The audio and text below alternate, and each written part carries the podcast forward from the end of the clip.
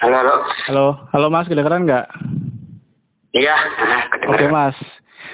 Oke, sebelumnya sih saya pengen kenalan dulu Mas. Jadi sebetulnya Eduka itu apa sih Mas? Sebenarnya saya juga udah lihat-lihat sih dan follower di Instagram juga kan udah banyak banget tuh. Terus uh, apa namanya websitenya juga keren, appsnya juga udah mantap nih Mas. Tapi silakan Mas, apa sih Eduka itu? Iya, sebenarnya kalau misal uh, dulunya gitu ya, edukasi sistem itu pengennya pengen jadi sistem informasi sekolah gitu. Dan di situ ada fitur uh, absensi, rapor, sama ujian online gitu. Tapi kita mikir uh, itu terlalu banyak buat kita buat barengan, jadinya kita milih uh, sistem ujian online dulu aja sebagai MVP gitu ya. Mm -hmm. uh, nah di sini uh, buat MVP-nya sendiri kita masuknya lewat uh, apa latihan soal UTBK atau dulunya tuh namanya SBMPTN. Oke. Okay. Gitu, nah di sini uh, kita berfokus untuk melatih melatih anak-anak SMA gitu ya kompleks problem solving skill. Mm -hmm. Tuh itu sih nah, singkatnya gitu. Oke. Okay. Terus sekarang lebih ke arah mana nih mas? Kalau sekarang mah lebih uh, latihan soal gitu ya? Kalau sekarang fokusnya lebih ke arah mana, Mas? Iya, jadi uh, dalam waktu dekat gitu ya kita uh, lagi ngesiapin launching buat uh, produk baru gitu. Kita fokusnya mainnya di latihan soal. Jadi kalau misal uh, di tahapan pembelajaran itu ada hmm. empat stage. Yang pertama uh, dari unconscious incompetence. Okay. Jadi uh, apa conscious incompetence. Mm-hmm. Jadi dari yang awalnya dia nggak sadar bahwa dia nggak paham, nggak bisa sama suatu materi, ya. Mm-hmm. Jadi uh, paham, eh jadi uh, ngerti apa? Jadi tahu kalau mm-hmm. kalau misalnya dia sendiri tuh nggak tahu atau nggak paham sama suatu materi. Okay. Dan biasanya itu jadi tugas sekolah buat uh, ngasih tahu siswa bahwa hmm. sebenarnya kamu nggak belum bisa loh materi ini belum paham oh, materi okay. ini gitu. Oke. Okay. Nah di situ juga ada dari tahapan uh, unconscious eh sorry conscious incompetence hmm. jadi conscious competence. Jadi secara sadar bahwa dia paham. Nah di sini ada sebenarnya udah ada banyak startup yang bergerak di sini kayak Genius, hmm. Super sama Ruang Guru yang mereka uh, ngejelasin materi pembelajarannya okay. sampai mereka bisa secara sadar mereka paham sama materi tersebut. Gitu. Nah, di sini kita uh, fokus uh, bergerak di tahapan selanjutnya yang awalnya dia secara sadar bahwa dia paham menjadi unconscious uh, competence gitu. Jadi secara nggak sadar sebenarnya dia udah paham sama materi itu. Dengan oh. apa? Uh, dengan banyaknya latihan soal. Gitu. Oh, Dan okay. di sini kita pengen launching produk baru. Uh, kalau misal di buku gitu ya, itu ada namanya LKS yang udah latihan soal yang udah terbagi ke pelajaran semester sama bab gitu. Hmm. Gitu mas. Oke. Okay. Bagus sih mas. Terus Mas Odiko emang e, dari dulu passionnya di edukasi ya mas ya? Apa gimana? Iya jadi e, awalnya e, teman asrama. Aha. Di SBM juga ya mas ya? Suka. Ya ikutan ah, ikutan startup terus suka dia juga suka ngajar gitu oh memang banyak hal yang bisa kita eksplorasi di situ sih oke okay. nah kalau misalnya masalah gitu. oke okay.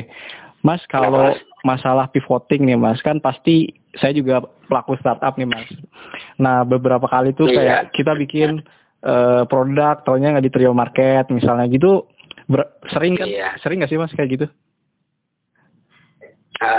Nah, kalau misal dari dulu banget sih ya, hmm. dari dulu banget waktu masih kuliah sering ikut lomba, itu uh, kita udah banyak lah ide yang kita eksplorasi, hmm. uh, mulai dari edukasi, pariwisata dan lain-lain itu okay. ikut lomba dan uh, kita banyak belajar dari situ ternyata produk-produk dan ide-ide kita itu uh, masih kadang ada beberapa yang masih belum siap dari segi uh, apa dari segi pasarnya. Ada yang mungkin kitanya belum siap untuk membuat itu. Dan mungkin ada juga dari segi environment entah itu pemerintah uh, komunitas atau apa yang belum siap dengan produk kita itu saya udah banyak sih. Cuman untuk uh, konteks edukasi sistem sendiri uh, sejauh ini karena produk kita masih ini ya masih try out gitu. Dan sekarang masih fokus di UTBK jadi uh, belum ada itu sih produk yang belum Oh, oke. apa belum tertarik ya belum Oke. ada yang produk yang Mas. Sodiko, sebetulnya saya agak eh, tertarik nih pas tadi eh, Mas Sodiko bilang eh, udah explore pariwisata, terus eh, sektor lain ya kan. iya Nah, sebetulnya momen pas yang kayak gimana sih ketika misalnya oh di edukasi kita nih kuat nih, terus eh, traction awalnya tuh gimana sih Mas sebetulnya? Kalau dari ceritanya. iya kalau misalnya edukasi sendiri ya Mhm. eh kita awalnya itu nggak nggak tahu bakalan apa SBMPTN ini bakalan full 100% pakai komputer gitu ya. Terus eh, kita ngebuat edukasi sistem, kita ngebuat perawatnya, ngebuat sistemnya. Eh, sebulan setelah kita ngebuat sistemnya itu pemerintah ngumumin Mhm. bahwa eh, apa SBMPTN akan menggunakan 100% komputer gitu. Oh. Jadi emang eh, dalam menjalankan startup ini menurut aku eh, faktor luck gitu ya. Mhm. Keberuntungan itu main banget gitu yang di mana eh, makin kita cepet makin kita cepet gerak gitu, Mhm. makin banyak kesempatan kita buat eh, akuisisi keberuntungan gitu. Oh, oke. Kalau misal kita eh, lambat dalam eh, bergerak, mungkin eh, ada orang lain yang mengambil keberuntungan itu sih. Mhm. Menarik banget sih Mas. Nah, jadi Aha. Jadi kadang kita eh, kadang sesuatu yang nggak kita plan ketika kita bergerak lebih cepat tuh bisa Oke. dapatlah momennya gitu. Oke mas. Nah terus kalau dari marketing nih, kan awalnya pas launching tuh gimana tuh mas? Bisa me- apa ya? eh bikin banyak orang tuh tertarik nih, intention lah kalau istilah marketing. Itu gimana mas awalnya mas?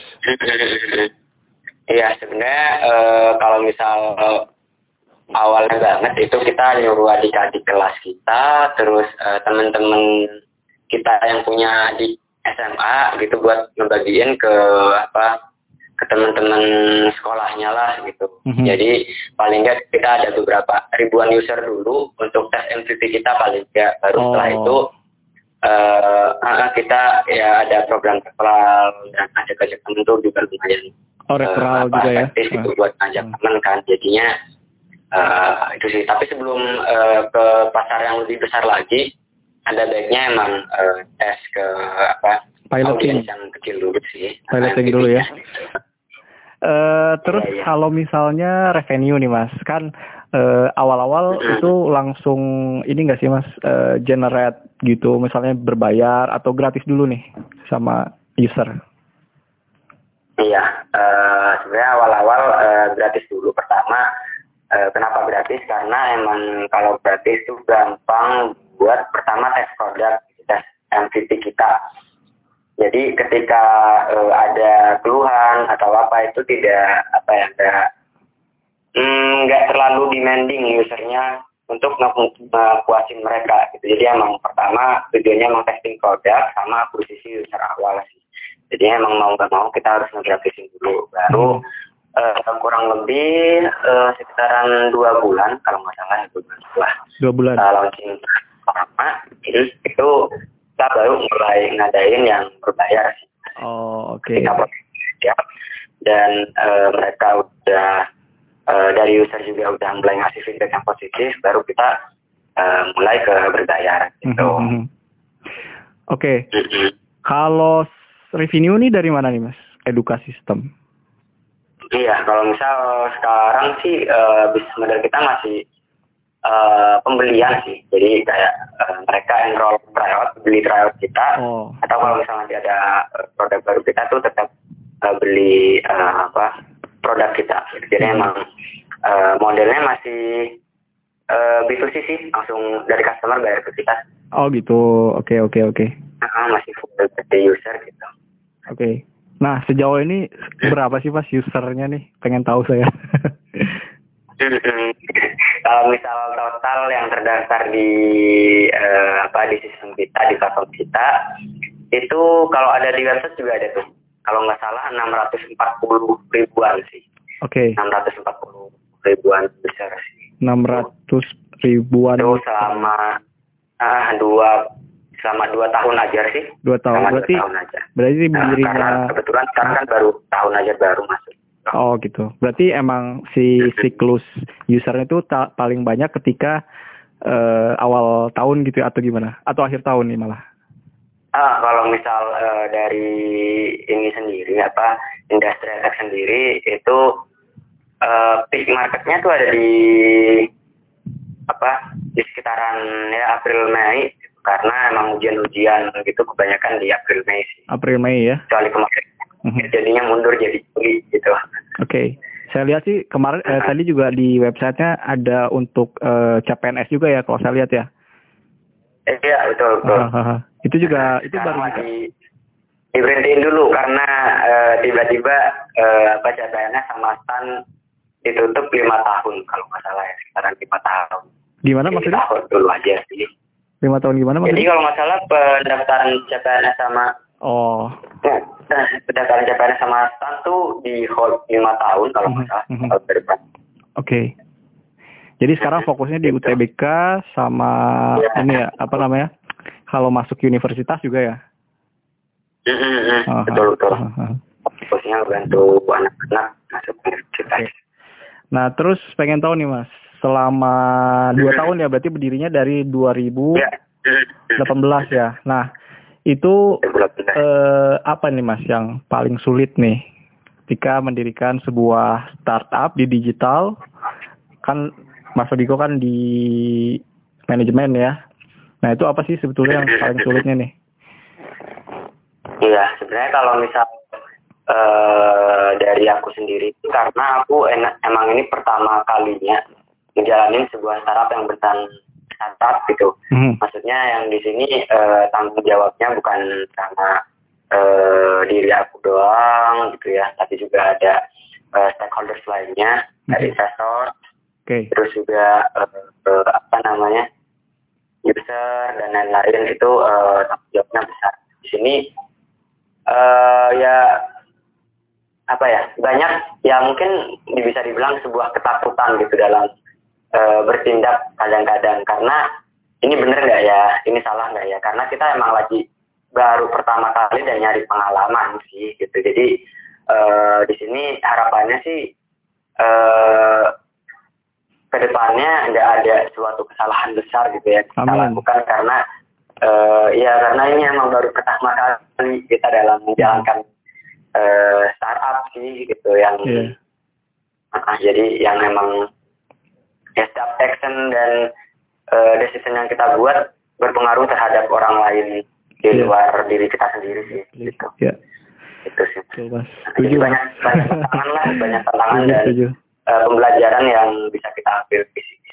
Oke. Okay. Ya kalau misal masalah kesulitan uh, cenderung mungkin uh, yang akhir-akhir ini dialami mungkin masalah tim manajemen kali ya, hmm. yang uh, masalah efisiensi, efektivitas tim dan juga kadang nyari uh, tim baru tuh susah sih. Gitu. Oh, okay. Itu sih. Ada berapa orang nih mas behind the education system? Di edukasi sistem sendiri sekarang kalau misal yang uh, ke kantor yang full time itu ada uh, sekitaran 30-an orang. 30 dan, ya? Uh, untuk yang part time yang di luar kantor tuh ada sekitaran 30-an juga deh kalau nggak salah. Dan ada beberapa outsource juga mm -hmm. di angka 100 kalau nggak salah sih. 100 oh, udah banyak ya. Tuh. Uh, Oke, okay. nah terus kalau cerita-cerita waktu pas uh, nyari investor nih mas, itu gimana nih? Itu apakah nyari sendiri, ikut lomba atau gimana nih mas? Iya, sebenarnya kalau misal investor itu sebelum uh, closing sama initiative ya, sama hmm. Bukalapak uh, ya? Isinya Ahmad Jati, hmm. itu kita udah beberapa kali ikutan pitching day, kalau misal di uh, sebenarnya kan ada Greater Hub ya, hmm. itu kita renang di sana, dan kita ikutan pitch day-nya dan juga kadang uh, ikutan apa lomba pitching juga di Jakarta yang di sana langsung di uh, di depan investor gitu ya langsung di stage mm -hmm. uh, itu dari ada event juga dan ya ada beberapa event lagi dan ketemu beberapa visi gitu ya dari dari apa dari acara-acara itu uh, diajakin ngobrol lah sama beberapa visi sebelumnya sama beberapa angel investors mm -hmm. Cuman uh, ada beberapa hal yang uh, apa ya ada beberapa hal yang tidak nggak apa nggak dilah gitu nggak ada Oh, oke. jalan tengahnya jadinya Mhm. eh, kita cancel sama yang lain dan jalan eh, Ahmad Jati itu lagi cari startup yang apa yang potensial gitu dia bilangnya gitu di ITB dan eh, dikenalin sama edukasi sistem kita pitching ke Ahmad Jati di Jakarta dan dari situ eh, apa kita mulai apa mulai proses investment sama Oh, oke. Series apa sih, Mas? C series apa nih? Kita Fundingnya? masih di tahap eh seed, masih Seed funding tahap ya? funding kita. Oke. Iya masih ya. Nah, kalau ini nih Mas, pesan-pesan buat eh, Ya. teman-teman kita nih yang baru merintis ya kan ada beberapa startup yang pengen cepet-cepet nih nyari investor. Nah, itu Iya. sebetulnya bener nggak sih kayak gitu apa gimana nih Mas? Menurut Mas Odiko? Eh, benar gimana? Sorry. eh jadi awal-awal nih mereka fokusnya nyari investor dibanding nyari market dulu nih Mas. Oh, Sebetulnya gimana sih ya, yang kalau misal sebetulnya? menurut, menurut aku sendiri sih ya, Hmm. eh, kalau emang eh, produknya mahal buat dibuat, gitu ya, Mhm. itu eh, pasti butuh investor. Cuman eh, menurut aku jangan buat produk yang fancy dulu gitu, jangan buat produk yang eh, apa langsung perfect. Mhm. Coba buat MVP-nya apa yang bisa kita buat dulu dan apa yang bisa kita tes dulu, kita tes ke market benar butuh atau enggak gitu. Nah dari situ baru kita cari investor. Di situ contoh eh, ada kalau nggak salah kita bisa apa ya? Kita bisa kalau nggak salah eh, awal-awal dia belum buka belum buat website dulu. Dia bisa juga eh, kalau misalnya ada orang mau eh, apa namanya donasi bisa lewat Google Form dulu atau gimana. Cuman sebenarnya udah cukup sebenarnya buat awal-awal untuk tes market. Eh, nah dari situ baru kita bisa scale up ke pem- apa ke perbaikan produk gitu karena Hmm. menurut aku investment tuh bukan masalah eh, keren-kerenan gitu tapi karena emang kita lagi eh, apa ya butuh buat ngeskalasi impact kita gitu kan jadi kalau misal eh, saat ini kita belum ada impact yang dikasih itu Mhm. eh, ada baiknya kita buat dulu impactnya itu Mhm. baru kita cari investasi cari investor eh, untuk ngebesarin impact yang udah ada. Kalau misal di kontak saya duka, eh, kita dari waktu itu modalnya kalau nggak salah 10 juta dari kita dapat dari program VMB. Hmm. Nah di situ kita cukup bayar server eh, untuk orangnya sendiri, foundernya nggak usah digaji gitu ya. Nggak ada nggak ada return buat kita di Iya, awal-awal gitu. Jangan jangan ngarep apa-apa dulu lah gitu. Iya, iya. 10 juta kita buat bayar server eh, dari situ kita bentuk MVP kita cari pasar kalau misal udah oke baru kita ngembangin eh, ngembangin apa namanya eh, ngembangin pasarnya dengan eh, adanya investasi gitu dan juga eh, kalau pesan dari aku mungkin ingat ada 3 P yang biasanya dipakai sama investor buat menilai bisnis kita pertama people Mhm. produk sama potensi gitu Oke. Nah, eh, di sini untuk eh people sendiri, kalau misal kita emang orang yang sangat apa ya, eh sangat capable gitu ya, sangat capable dan udah banyak foto sebelumnya meskipun kita cuma ide aja, Mhm. baru ide doang. Investor mau buat nginvest ke kita gitu. Mhm. Tapi yang jadi masalah eh, di sini eh, kalau misal di eduka sendiri gitu ya, eh, kita masih kuliah, masih kuliah dan belum ada pengalaman sama sekali. Mhm. Jadi kalau misal eh, kita pitching ke investor ada ide agak susah karena eh, ya dari people sendiri mungkin investor belum percaya. Itu Hmm. makanya karena belum percaya di people kita eh, tinggiin aja di produk. Itu kita bagusin dulu produk kita, kita cari eh, akuisisi, kita cari traction. Setelah produk bagus, eh, baru di situ kita bisa bawa ke investor Oke. dengan ngejual potensi yang ada ke depannya. Hmm. Gitu sih mas. Mhm. Jadi produk ini penting banget ya Mas ya sebelum maju ke investor. Hmm, Apalagi betul. kalau udah ada traction Iya, yang bagus gitu ya. Hmm, betul betul. Mhm. Gitu mas. Oke. Eh terus ini Mas, eh saya saya lihat nih ya di data beberapa apa namanya berita nih kan sebetulnya di industri IT ini apalagi pas lagi Covid ini kan lagi tinggi nih. Nah, sebetulnya betul nggak sih Mas? Iya, iya. Iya. Kalau menurut aku sih, uh, mas, kalau industri edtech ya, mm-hmm. industri edtech tuh malah dapat momen yang pas sih di COVID ini karena emang uh, apa ya pertama ada dengan dengan apa pandemi COVID ini mm-hmm.